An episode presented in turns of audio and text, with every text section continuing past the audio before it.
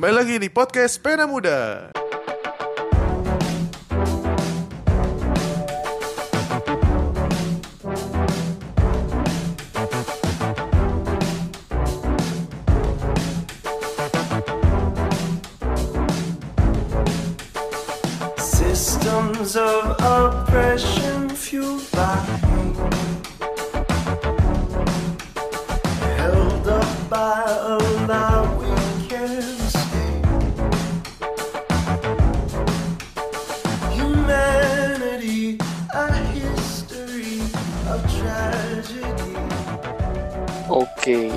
Selamat hari Sabtu atau hari-hari lain di mana teman-teman mendengarkan. Selamat datang kembali di Pena Muda di season 3 episode keempat.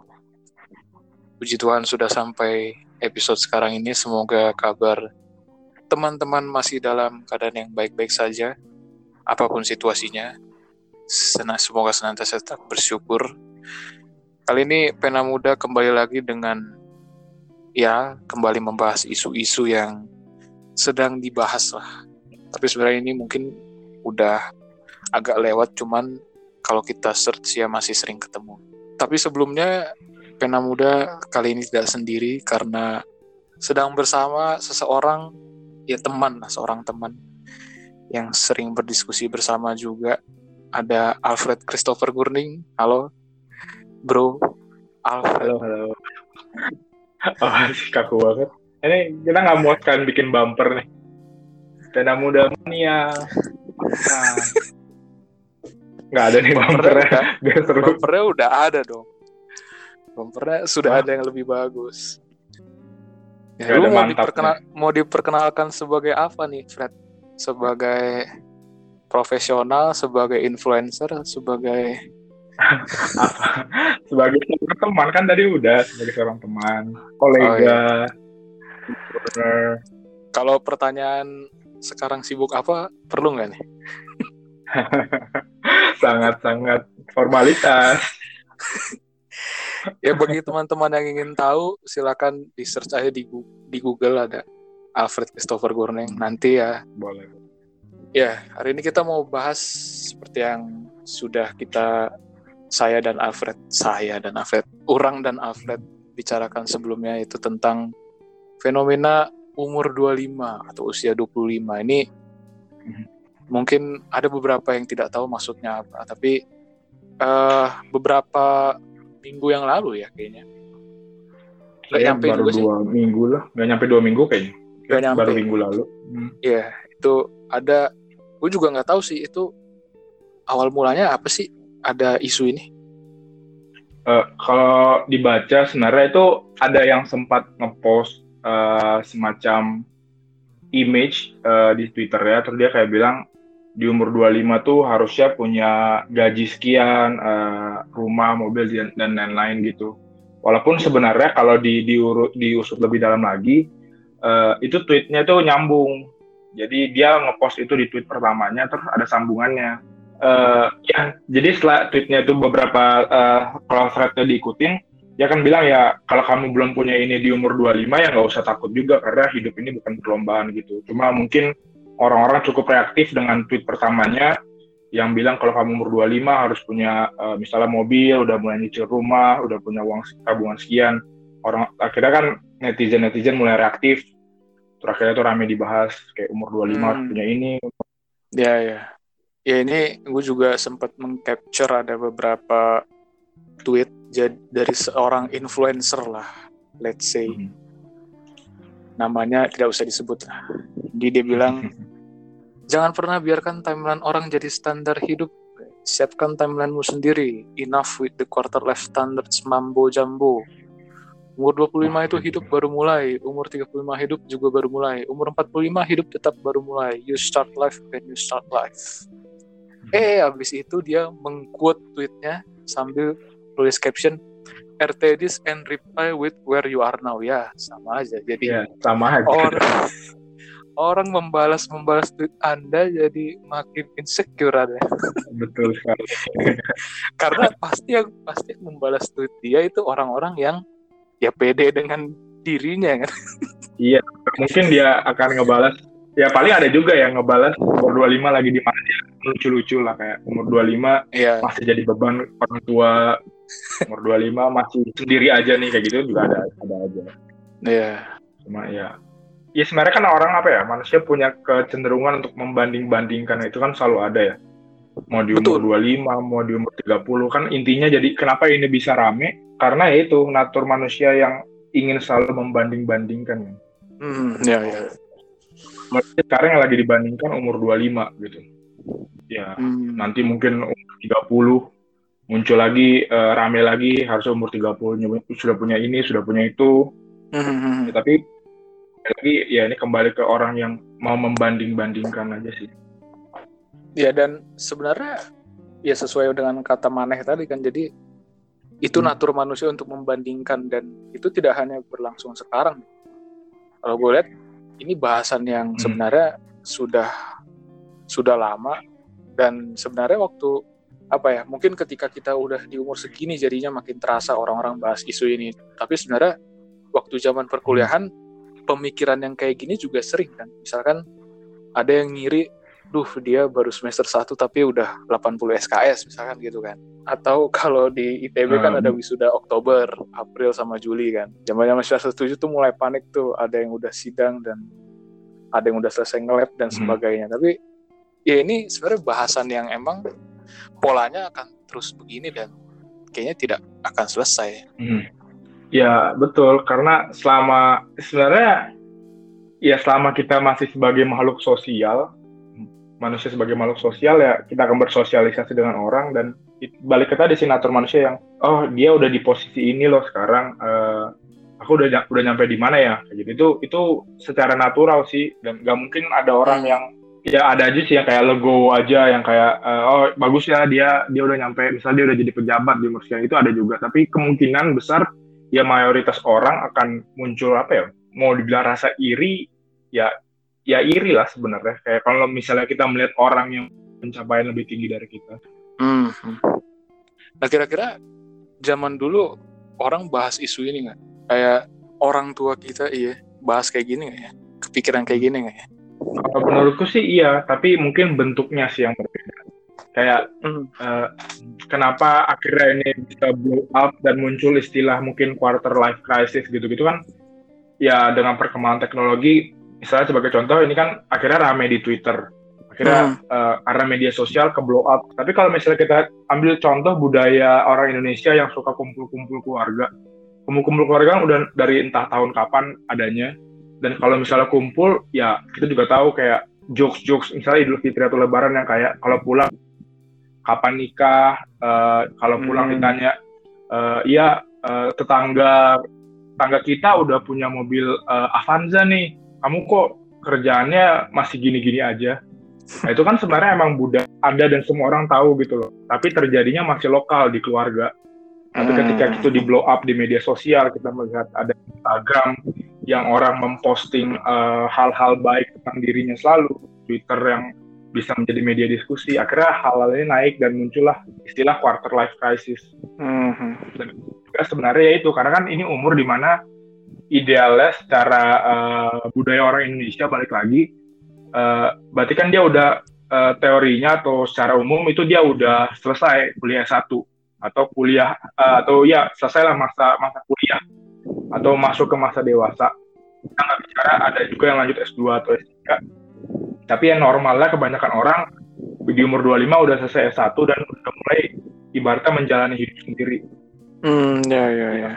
Jadi emang karena Di- media sosial dan dan karena di umur 25 ya. Jadi kayaknya kalau udah umur-umur ke depan masih kayaknya nggak kayak gitu ya. Misalkan ada bapak-bapak nongkrong apa ngelihat umur segini masih kerja sama orang Jokowi umur segini udah jadi presiden. Nggak bapak-bapak gitu nggak ya? menurutku masih sih. Kayak eh, contoh kita reuni alumni. Itu paling gampang. Kita anggap kita reuni alumni nanti umur 40 tahun. Ya, eh kerja di mana nih sekarang? Oh iya saya misalnya di PTA gitu. Ya, oh iya tinggalnya di mana? Terus ntar eh, kita cerita-cerita terus ya oh kok iya ya dia udah manajer ya di umur segini. Kalau saya masih staff biasa aja. Hmm. itu kan naturnya emang selalu ada. Manusia mendengar cerita orang yang lebih ya muncullah rasa rasa kok saya masih begini. Atau malah kebalikannya kita taunya eh, iya ternyata dia masih di umur 40 ceritanya. Sementara kita udah punya rumah sendiri.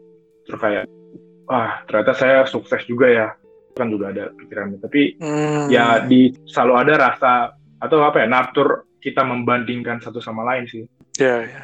Nah, kalau mana yang umur 25 udah udah punya apa aja? 25 umur 25 saya kuliah pak kebetulan karena saya juga baru menyelesaikan pekerjaan juga belum punya pada waktu itu Emang iya 25 baru selesai. 25 baru selesai kan 25 itu 2019 Oh, selesai kuliah itu 2009 Eh tapi Oktober. kan tapi kan S2 kan master.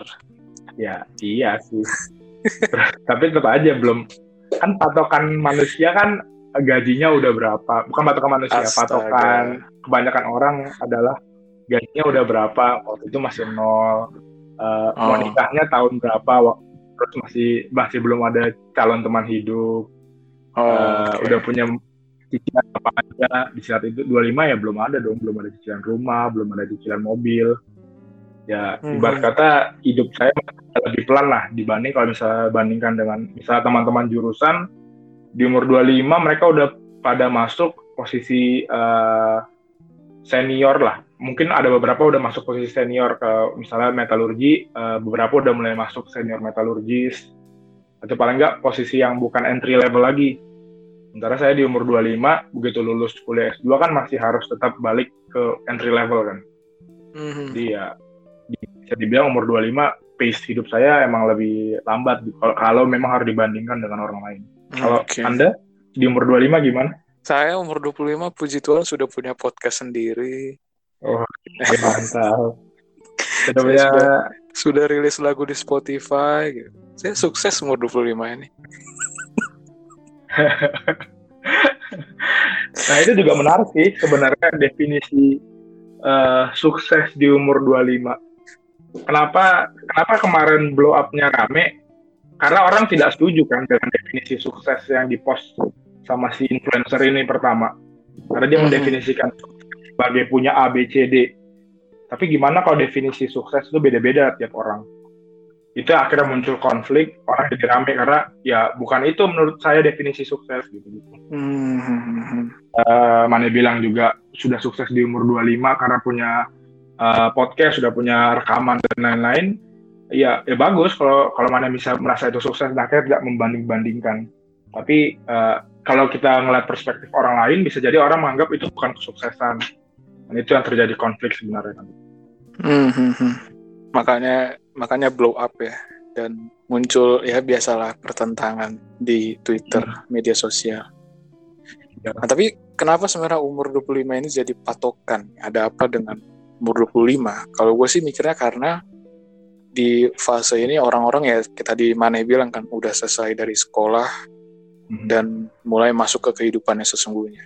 Nah, kalau gue lebih melihatnya lagi ya sama kayak gini, cuman karena sebelumnya di sekolah itu mungkin kita punya jalur yang kurang lebih sejalan antara orang satu dengan orang lain ada ada kurikulum dan sebagainya. Meskipun kadang mungkin ada yang lulus duluan, ada yang lulus belakangan, tapi tapi kurang lebih time frame-nya itu sama. Nah, Hmm. begitu udah lulus, masuk ke kehidupan sesungguhnya, time frame-nya ini mulai berbeda nih dan bahkan mungkin mulai berbeda jauh, tapi kita masih terbawa bahwa kuliah itu kita harusnya sama-sama. Jadi Iya. seharusnya setelah ini kita harusnya time bareng sama juga. dong. Iya. Kalau gue sih ngeliatnya gitu ya. Agak agak agak ke sana sih mungkin.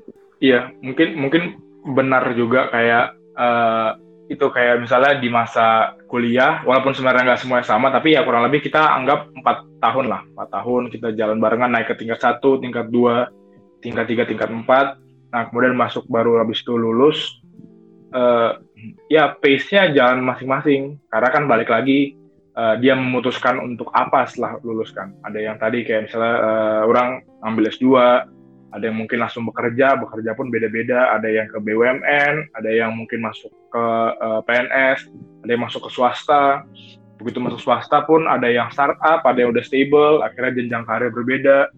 kemudian dari perbedaan-perbedaan itu muncul lagi perbedaan gaji, perbedaan benefit, uh, muncul lagi perbedaan uh, ya sosial orang-orang yang ditemui berbeda.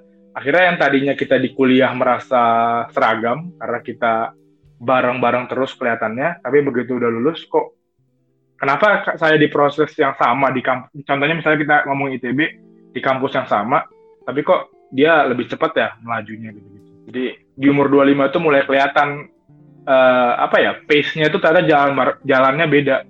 Ya misalnya tadi kan kita ambil umur 23 baru lulus, berarti ada dua tahun uh, kemudian baru kita melihat pace masing-masing itu udah mulai kelihatan begitu uh, ada yang cepat banget karirnya ada yang udah menikah gitu-gitu di umur 25 ini udah mulai sangat apa ya terlihat beda lah pace hidup orang-orang. Iya ya. Nah ini ada hubungannya berarti ya sama yang kayak tadi Maneh juga bilang kan menyinggung juga quarter life crisis kan. Hmm.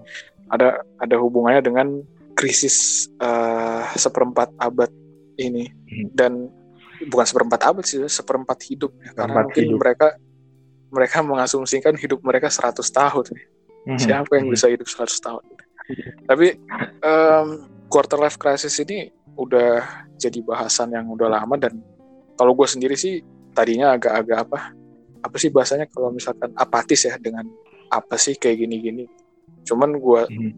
gue lihat lebih lagi orang-orang ternyata banyak yang mengalami krisis ini mungkin gue ada melihat ini sebagai suatu krisis juga dalam hidup. Cuman kayak kalau gue sih melihatnya nggak begitu sampai jadi krisis yang menjat apa bikin jatuh dan sebagainya.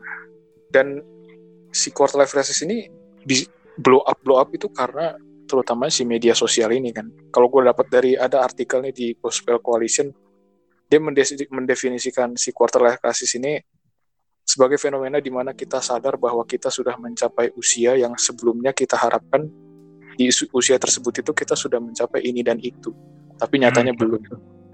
Nah, si quarter life crisis ini biasa datang ketika ulang tahun atau tahun baru katanya dan memuncak ketika kita melihat di media sosial ada teman-teman kuliah atau sekolah kita yang dulu yang seangkatan sudah tunangan, sudah naik jabatan atau setidaknya mungkin kelihatan bahagia di foto mereka. Ini definisinya orang suka sih. Iya, betul sebenarnya iya uh, ini juga mungkin uh, akan akan jadi panjang bahasannya kalau misalnya kita menyentuh lagi quarter life crisis bisa nanti menyebabkan uh, masalah mental, masalah yeah. psikologis. Itu agak panjang memang karena ya sebenarnya balik lagi ketika natur manusia membanding-bandingkan itu membuat kita semakin depresi ujung-ujungnya. Dan ya apa ya bahasa Inggrisnya itu anxiety gitu. Jadi kita uh, cemas dengan hidup kan Kira hmm. kalau misalnya dari kata krisis itu sendiri kan kalau ini misalnya aku nyari di, di internet tentang uh, waktu di mana ada kesulitan, ada masalah uh, atau sebuah titik balik.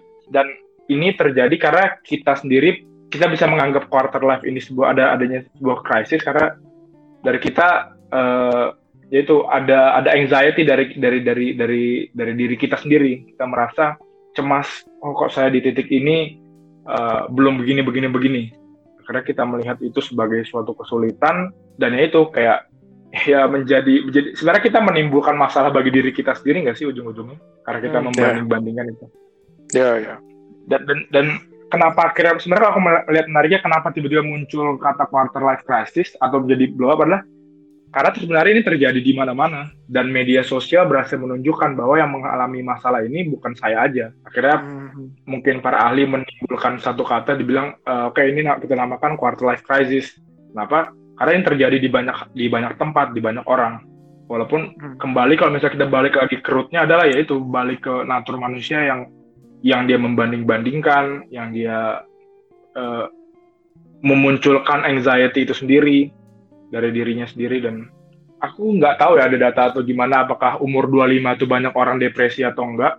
Mungkin itu juga menarik kalau kita bisa cari tahu apakah quarter life crisis ini menimbulkan uh, depresi karena orang-orang banyak membandingkan dirinya dengan kondisi orang lain atau mungkin sebenarnya ya sekedar slogan yang yang hanya di blow up aja sebenarnya nggak nggak segitunya kok orang-orang eh, mengalami quarter life crisis tapi hanya suatu slogan yang blow up di media sosial dan dan jadi rame aja gitu.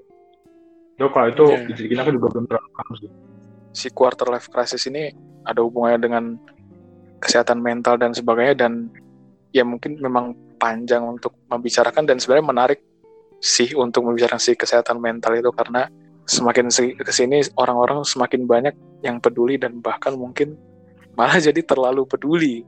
Iya. Akhirnya akhirnya ada definisi sana sini dan ya macam-macam lah bahas panjang lagi kalau dibahas. Tapi anyway, kita nih sebagai orang Kristen sebenarnya memandang fenomena ini seperti apa nih? Hmm. Apa menurut Maneh dulu lah bagaimana kita harus memandang fenomena umur 25 ini?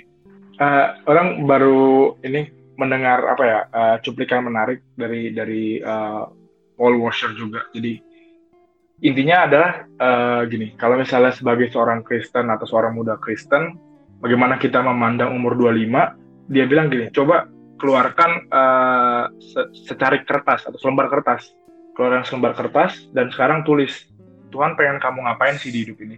Kalau misalnya kita nggak bisa tahu, kita nggak bisa tulis di umur 25 ini atau ya sekitaran 25 lah kita nggak bisa tulis harusnya kita mempertanyakan udah sedekat apa sih kita sama Tuhan kalau memang belum bisa tulis ya dia harusnya di umur 25 ini umur-umur quarter ini menjadi pengingat buat kita semakin dekat sama Tuhan agar kita tahu tujuan hidup kita apa di dunia ini. Hmm. jadi nah, ini akan masuk ke panggilan. Di umur 25 ya harusnya kita, membedakan kita dengan eh, orang yang tidak kenal Kristus dan Yesus di kehidupan kita adalah di umur 25 kita tidak lagi fokus kepada diri kita sendiri. Tidak lagi fokus kepada saya udah dapat apa saya udah punya apa. Tapi kita fokus Tuhan pengen saya kerjakan apa untuk sisa hidup saya. Kalau misalnya emang Mhm. kita belum tahu intinya dekatkan diri sama Tuhan tanya sama dia. Kalau kita udah tahu progresnya sejauh apa? Eh, apakah di umur ini saya udah mengerjakan panggilan saya ini sejauh mana? Kalau memang eh, belum oke saya harus punya plan atau rencana. Ke depannya saya harus ngapain aja untuk memenuhi panggilan ini Eh, itu menarik sih ketika Paul Washer bilang eh, ternyata sesimpel itu bahwa membedakan eh, orang muda yang yang mengenal Kristus sama orang muda yang tidak kenal. Itu di mana dia menimpat, menempatkan Kristus di kehidupannya. Iya, iya. dan secara biologis umur 25 ini adalah uh, prime age. Kita harusnya bisa mengerjakan yang terbaik di, di, di umur 25 ini. Ya bagaimana kita sebagai seorang Kristen menggunakan waktu prime age kita ini untuk memberikan yang terbaik untuk Tuhan untuk mengerjakan uh, panggilan kita di, di yang udah di, diberikan sama Tuhan. Itu sih yang yang jadi poin penting orang Kristen harus ngapain di umur 25 sebenarnya. Iya dan dan itu emang apa ya masalah panggilan sebagai orang Kristen dan hidup bukan untuk diri sendiri itu sesuatu yang orang-orang Kristen sendiri pun sekarang mungkin atau anak-anak muda Kristen sendiri pun sekarang udah lupa akan hal tersebut. Atau mungkin bahkan tidak pernah tahu sayangnya. Karena karena di media sosial ini parah sih kalau menurut orang ya. Ya informasi udah semakin banyak membludak dan orang-orang disuapi dengan hal-hal yang ya kekhawatiran dan segala macamnya yang apa ya yang akhirnya mengikis pemahaman akan ya ini hidup orang Kristen itu harusnya ngapain. Dan kalau orang sebenarnya mau spesifik sih ke masalah membanding-bandingkan ini melihat umur 25 harus apa terus bandingkan dengan orang lain mungkin orang sebenarnya mengutip apa yang orang sampaikan juga di episode sebelumnya itu tentang privilege. Setiap melihat isu-isu kayak gini tuh yang selalu gue pikirkan si pengkhotbah 9 ayat 11 sebenarnya. Katanya lagi aku melihat di bawah matahari bahwa kemenangan perlombaan bukan untuk yang cepat dan keunggulan perjuangan bukan untuk yang kuat juga roti bukan untuk yang berhikmat kekayaan bukan untuk yang cerdas dan karunia bukan untuk yang cerdik cendikia karena waktu dan nasib dialami mereka semua. Ini yang apa ya menjadi ayat yang terus menuntun hidup orang sih.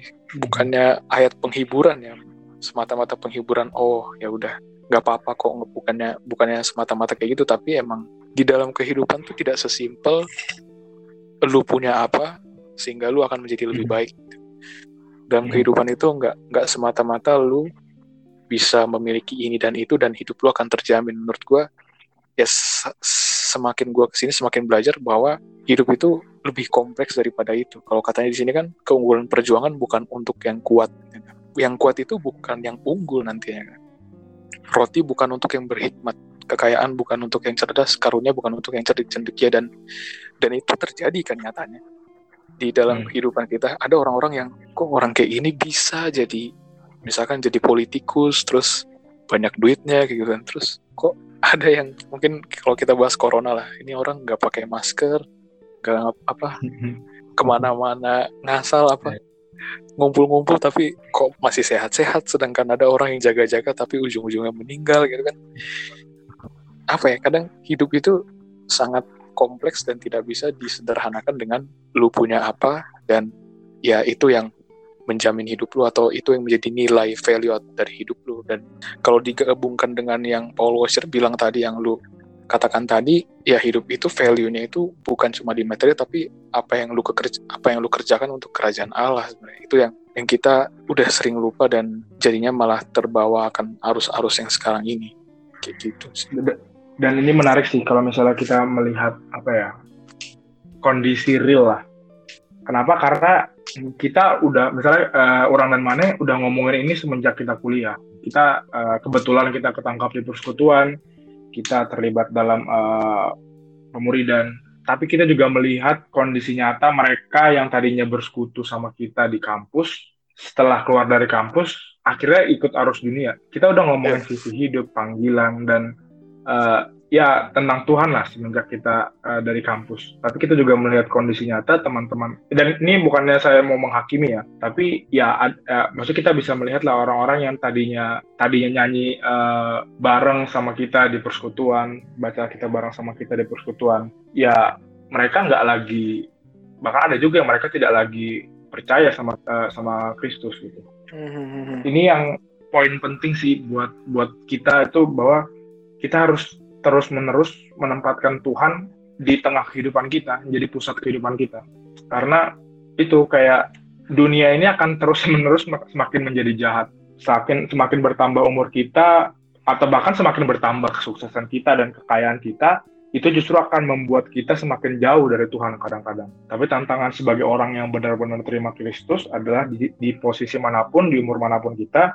Kristus itu terus menjadi pusat dan kita tidak apa ya terbuai dengan dengan dunia mengatakan A B C D, tapi di masa muda kita udah bisa bilang ya saya mau melayani Tuhan dengan kehidupan saya gitu. Itu yang mungkin harus kita doakan setiap harinya sih. Apalagi di tengah kita kesibukan pekerjaan mungkin uh, di tengah komunitas yang kurang percaya apa iya kan dunia nyata atau di luar kampus kan tidak semudah itu menemukan komunitas orang Kristen yang yang ideal gitu. Hmm, Tapi itu sih. Jadi tetap harus ingat bahwa Tuhan adalah ya the center of our life gitu. Ya, ya mana tadi ngomong yang dalam situasi apa pun terus selalu mengingat Tuhan dan ini gue juga ada baca nih dari question and answer-nya John Piper. Dia bahas tentang anxiety. Ya kan sebelum sebelumnya mungkin kalau kita bicara kekhawatiran kan ya ini kan nyambung kan dengan kebingungan dan kegalauan umur 25 kayak Maneh juga tadi nyinggung tentang anxiety. Ini orang-orang yang khawatir dan mungkin orang banyak yang tidak peka untuk melihat ini sebagai suatu dosa kan ya. Karena apa ya? Kita mengasosiasikan mengasosiasikan dosa kan dengan suatu yang melanggar perintah Tuhan tapi membawa kenikmatan yang sementara gitu. Sehingga untuk melihat kekhawatiran kita sulit melihatnya sebagai dosa karena dalam kekhawatiran itu sesungguhnya kita tidak merasakan nikmat apa-apa kan inilah yang mungkin orang kurang peka dan ya ini bahaya. Karena sesungguhnya kalau dalam kekristenan kan sesungguhnya ketika kita khawatir itu ada trust issue kan. Kalau misalkan di artikel John Piper itu gue ngeliat kayak gitu dan itu emang betul ada trust issue antara dia dengan Tuhan. Dan di dalam kekhawatiran ini kita bukan cari Tuhan tapi kepastian yang lain yang bisa kita lihat atau kita ketahui atau kita pegang lah. Dan dari situ kita merasakan kenyamanan yang sebenarnya sementara gitu. Dan pada akhirnya anxiety anxiety itu akan tumbuh-tumbuh lagi. Dan kalau John Piper di sini dia apa mengutip ini bagus sih yang di Filipi 4 ayat 11 sampai 13 ini. Kalau kita bicara kekhawatiran kan mungkin yang paling sering kita dengar Matius 6 yang jangan jangan khawatir dan lihatlah burung-burung di udara lihatlah bunga-bunga di padang dan sebagainya.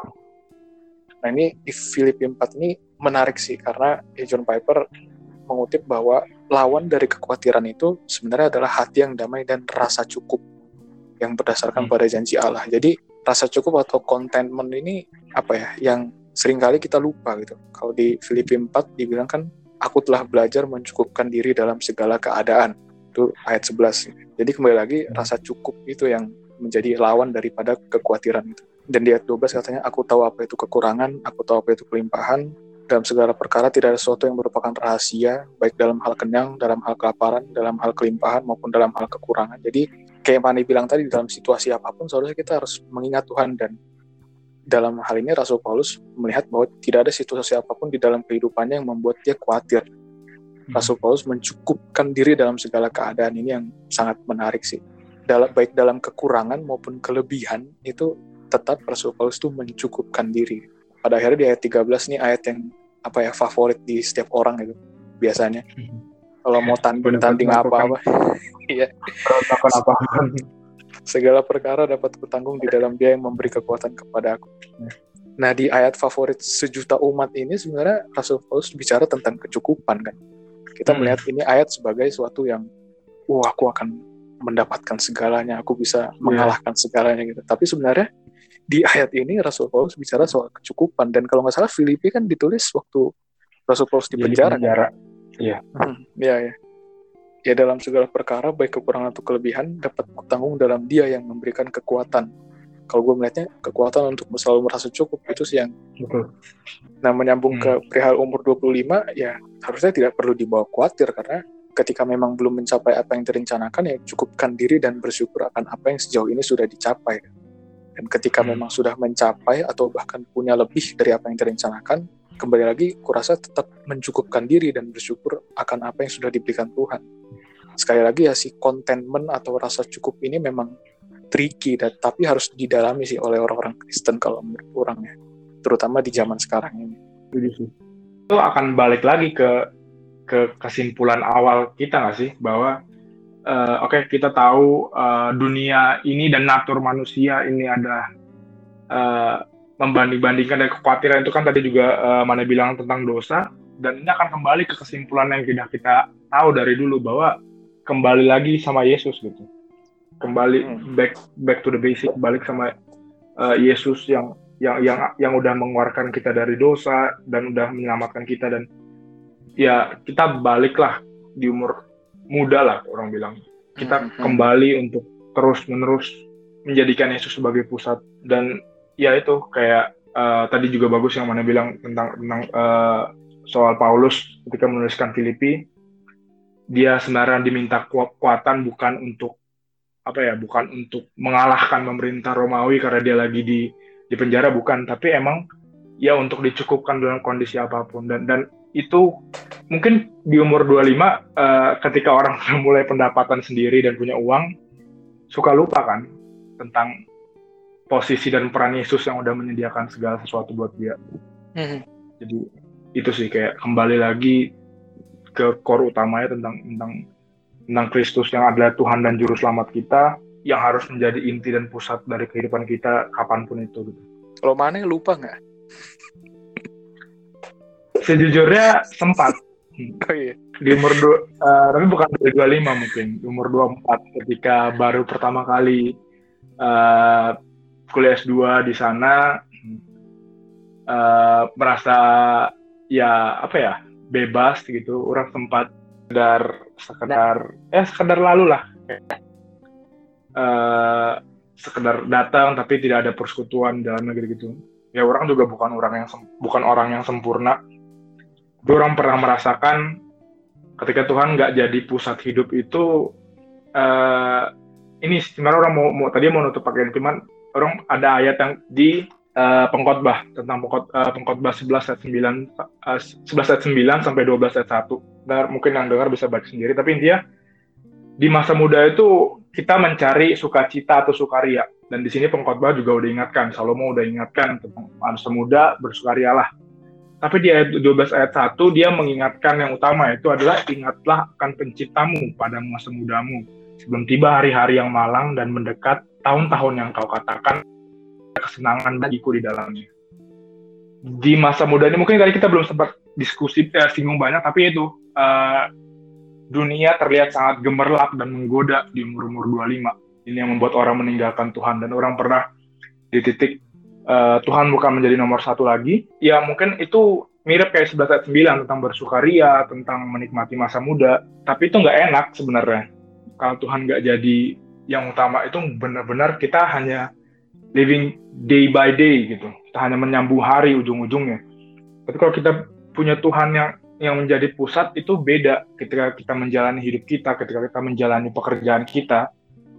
Itu sangat beda rasanya ketika kita mengerjakan itu semua untuk Tuhan sih. Dan semakin tadi juga mana bilang tentang contentment itu bagus karena kenapa? Kalau misalnya di umur 25 dan uh, melihat orang lain lebih sukses dan lain kita merasa anxiety, kita merasa khawatir, itu sebenarnya tanda buat ya kita balik lagi sama Tuhan. Mungkin hmm. ketika Anda galau dan memikirkan kesuksesan dan lain-lain, Tuhan lagi manggil Anda untuk yuk mendekat lagi, yuk, yuk bersekutu lagi sama Tuhan. Uh, Tuhan kangen buat kamu baca Alkitab, Tuhan kangen kamu buat bersaat teduh setiap hari, buat berdoa ya find hmm. peace in him sih. Tuh, tuh. Ya, kalau gue udah nyiapin final statement dan itu mirip dan itu sama pengkhotbah 12 ayat 1 juga. Jadi oh, gitu. emang ini kalau misalkan kita kalau misalkan kita ditanya ya mungkin apa yang harus dipunyai di umur 25? Ya ini pengkhotbah 12 ayat 1 menurut gue sih gitu ya. Ingatlah hmm. akan penciptamu pada masa mudamu sebelum tiba hari-hari yang malang dan mendekati tahun-tahun yang kau katakan tak ada kesenangan bagiku di dalamnya. Hmm. Mengenal Tuhan itu bukan perkaranya orang-orang tua, ya, tapi harus hmm. diserius diseriuskan semenjak masa muda. Yang pertama hmm. karena memang kita belum tentu jadi tua, kapan saja kita bisa mati, apalagi melihat masa pandemi sekarang ini ya kan. Yang hmm. kedua, karena kalau orang baca bukunya JC JC Ryle yang judulnya Thoughts for Young Men, masa hmm. muda ini adalah masa-masa yang paling kritis, paling kritis. Apa yang kau tabur di masa muda itu yang akan kita tuai di masa tua. Sama aja kayak hmm. gaya hidup lah. Ada yang sering merokok di masa muda, ada yang makannya nggak dijaga di masa muda. Nanti umur 40-an ditua itu semua kencang lehernya dan sebagainya lah kalau makan kolesterol gitu dan macam-macam penyakit. Begitu juga kalau kecintaan terhadap Tuhan itu tidak dipupuk dari masa muda, ya saya sih belum pernah tua ya. Tapi seperti yang diingatkan di pengkhotbah 12 saya tadi, ingatlah penciptamu sebelum tiba hari-hari yang malang. Ya dunia ini akan semakin keras menurut gua ke depan. Dan tanpa ada dasar yang kuat akan goyah sih kita nanti kalau tidak dari sekarang. Jadi kesimpulan dari kesimpulan mungkin kan uh, judulnya umur 25 sudah punya apa. Jadi ya mungkin kesimpulan terakhir adalah umur 25 ya apakah Kristus masih menjadi pusat dari kehidupanmu Amin. Semoga masih ya. Oke. Terima kasih Bung Alfred. Wah ini perbincangan yang sangat panjang. Semoga bisa bertemu di lain-lain episode juga dan semoga untuk segala yang dikerjakan bisa seperti yang kita bahas tadi terus berpegang pada Kristus. Ya, ya oke, okay. itu saja untuk episode kali ini. Semoga bisa bermakna bagi kita dan membuat kita semakin peka sebagai murid Kristus dalam melihat dan merespon fenomena yang terjadi di sekitar kita. Jika ada yang ingin ditanyakan, segala saran, kritik, atau pertanyaan silahkan dikirimkan ke penamuda.id@yahoo.com atau ke Instagram penamuda yaitu @penamuda dan ya sam sampai bertemu di episode-episode selanjutnya kalau ada yang mau jadi narasumber juga silahkan di kontak-kontak saja kalau anda berkompeten ya saya hubungi Oke, jadi akhir kata podcast Pena Muda pamit. Semoga kita bisa bertemu di minggu depan atau dua minggu yang akan datang. Bye. Bye, ciao.